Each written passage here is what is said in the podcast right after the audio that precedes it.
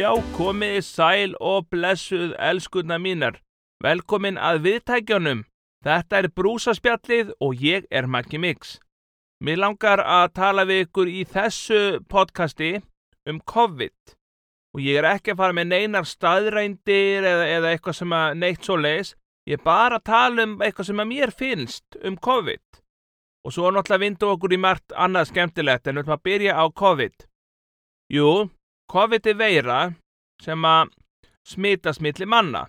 Jújú, jú, þú getur smitast með því að hnerra á einhvern eða jafnvel svona anda á einhvern vegna þess að það getur komið slef með. Og svo er veiran og ég heyrði eitthvað starf að veiran getur verið á kannski hlutum. Hún getur verið á handriðum eða hurðahúnum, já alltaf kannski tvær vikur, hún getur lifað þar. Og hún getur verið á fötum veiran og allir pakkin. Og hér á Íslandi smituðust margir, fullt af fólki. Á tímabili var alltaf 100 mann sem smitust á dag á tímabili.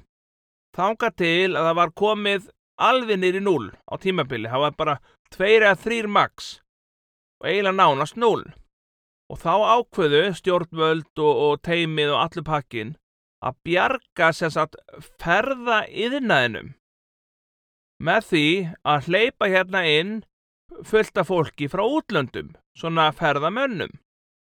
Og það koma kannski hérna 50, 100, 200 mass eða 500 mass, ég veit ekki hvað koma margir á dag, en hugsið ykkur, einn kannski af 100 eða 500 gæti verið smitaður. Þó svo sé búið að taka strókur eða hvað sem þetta kallast allt, svona, svona testa á viðkomandi, það getur vel verið að sé nýbúin að smitast og ekki kemur fram testi strax og ef hann er smitaður þá þarf hann að fara í svo kalla sóttkví. Og það er ekkert að fylgjast með öllum í sóttkví þannig að hann getur verið að læðast í árbælaugina bara í góðum gýr og smita fjóra-fimm þar og þeir geta smita allir klefanum þar og bing bara búm. Og hverjum eru við þá að bjarga? Ef við erum að bjarga ferða yðnaðinum en fólkin í landinu. Hvort er betra að enginn í landinu sé smitaður eða þetta byrjar aftur og nú eru þessi fundir sem voru alltaf reglulega, þessi COVID-fundir, nú eru þeir byrjar aftur að því smiti er að koma upp. Og ég var alltaf að segja við alla, þá ekkert að vera að opna landið. Fólk var að kalla mig bara vittlesing. Og hvað? Uh, skemma að ferða í þina inn og allir á hausnum og eitthvað. Ok, tökum dæmi. Segjum að 90 mann smitist gefum okkur það bara 90 manns smittist. Þá þeirra þeirra verið tvær vikur, 90 manns í tvær vikur frá vinnu. Hver er þá að tapa á því? Náttúrulega vinnuveitnandin. Hann var ekki starfsmann til að sinna vinnunni, hann þarf að borga honum laun. Jújú, hann gæti mögulega unnið heima, en hann er kannski það sára lasin, hann getur ekki unnið heima. Í tölfunni, hann er það lasin jafnvel og ég tala nú ekki um með að fólk er með undirliggjandi sjúkdóma og bing bara búm geta bara uh, bara dáið. Þú veist, ámar að segja dáið eða steindræfst eða hvað sem maður segir? Bara til að bjarga ferða, ferða yðnaðinum og ég veit að það eru margir á, á sama málu og ég og svo eru náttúrulega margir sem er á mótið sem ég er að segja. Ég man bara hérna nokkri mánuði síðan kannski tveir, tveir mánuði síðan, eitt til tveir mánuði síðan, þá man ég eftir því. Maður var með hanska hérna, alltaf skiptat um hanska. Maður þóði sér rögla svona 20 sinnum á dag, sprittaði sig 100 sinnum, maður alltaf sísprittandi sig. Það var svo leiðilegt orðið, maður var alltaf hérna, maður keipti tækja litur að sprittbrúsa og veist, klósipappinu var uppseldur og allir pakkin. Nennum að fara aftur í þetta? Nei, við nennum því ekki. Það er mín skoðun, en við ætlum ekki að ræða neitt mikið meir um kof koffín. Koffín? Jú, ef ekki bara fara þessi yfir í koffín. Föru frá COVID yfir í koffín. Komiði með mér, elskunnar! Mér langar að tala við ykkur svolítið um orkudrykki og ég er náttúrulega búin að vera svolítið í orkudrykkjum bara í mjög mörg ár og ég hef alveg tekið mér orkudrykkja pásu. Það er allt annað lífið þegar maður tekur orkudrykkja pásu. Og ég man eftir eittir sögu, ef ég segi ykkur smá sögu, ég fór í bíó. Ég ætlaði sko ekki að sopna á myndinni, tók pre-workout, 300 milligramma pre-workout af koffinni.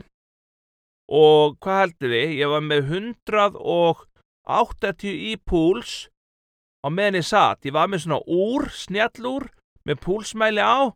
Og ég var í 180 í kvíld og það er bara talað um að vera held ég bara sko 60 til 90 max í kvíld sko ég manna ekki alveg held þessi 60 til 70, 80 eitthvað í kvíld og ég var sko bara meir en tvöfalt meir en það og ég var bara með þvíleikan hjarslatatrublanir Þannig ég mæli ekki með orkudrykk þó svo ég fái mér orkudrykk, þá mæli ekki með því.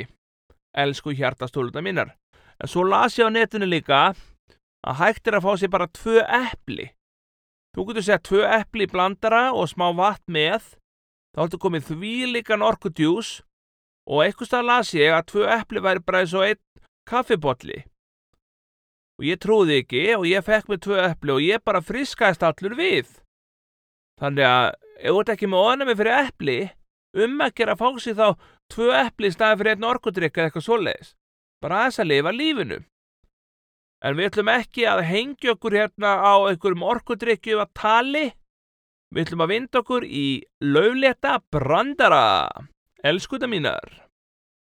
Vitið að okkur maður sem var að þrýfa liftuna var starfsmæðu mánaðarins. Hann þreif liftuna á hverju einustu hæð Duglegur, vitið akkur vera er á lausu. Það vildi enginn vera með henni. Vitið hvernig klippingu draugurum fekk sér. Kistu lagningu. Úhahahaha, íha. Ég er oft búin að vera að tala um í þáttunum svolítið um ástina og aldrei leiðilegt að tala um ástina og aldrei of mikið talað um þessa blessuð ást og ég las á neturu, það var svona mynd af gömlum hjónum, eða svona hjón sem voru gömul og það stóða myndinni á ennsku reyndar en eitthvað reyndar því þetta verið íslensku að það, þau voru ekki búin að vera saman í ykkur, hvað var það, 60 ára eða eitthvað að því að það var engin vandamál. Það var að því þau horfðu fram hjá vandamálunum. Og ég, ég, ég er ekki alveg að bera þetta rétt fram en þú pælir í því og sér kannski kærustupar Heldur það bara að sé allt leikandi lindi? Nei, ég sá eins og gullfallegt kærstupar og var bara að spjalla við þau eitthvað tíman, þetta var svona skemmtun. Svo kemur upp á kafinu bara að konan er bara með þvílikt kvíðakast, þvílikt kvíðakast og, og kallin er með króniska niðurgang, búin að vera með það í, hvað, einhver átt ár, króniska niðurgang og hann þarf að gangi bleiðu. Þú veist þannig að, en samt elskaðu hvort annað. Þetta er alveg magna líf.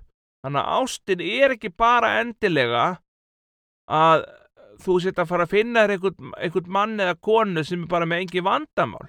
Það eru allir með ykkurs konar vandamál.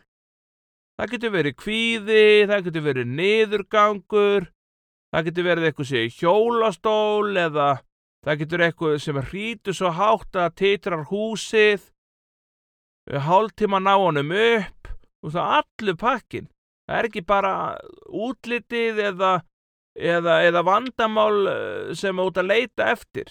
Skiljið hver að fara? Þannig ef ég sé konu kannski með dundrandi júlur og voða sætt og bara í formi það er ekkit endilega heitla mig. Veit ég hvað heitlar mig? Ef að konan bara spjallar við mig bara sínir mér áhuga þá ekkert að verða maður bara skotin. Þetta er bara svona, ef ykkur svona sínir mann einhvern áhuga, hlustar á mann, spjallar, þá ekkert en hætti maður að spá í. Hún getur verið forljótjabel, en ef hún sínir manni áhuga, þá kannski verður maður meira skotin, þú veist. Þannig ég segi bara ekki vera að horfa hún í vandamálinn eða ég er ekki að tala um ef ykkur er að klíma við kannski fíknefna vandamál, ég er ekkert að segja það eða einhverju með því líka stel, stelsíki eða berja og, og, og, og lemja og eitthvað svona, ég er ekki að tala um það, ég er að tala bara um þetta klassiska, ef einhverju kannski með stípla nef eða skakka tönn eða stóru eiru eða eitthvað, það þarf ekki að vera slæmt, skiljiði hvað er að fara.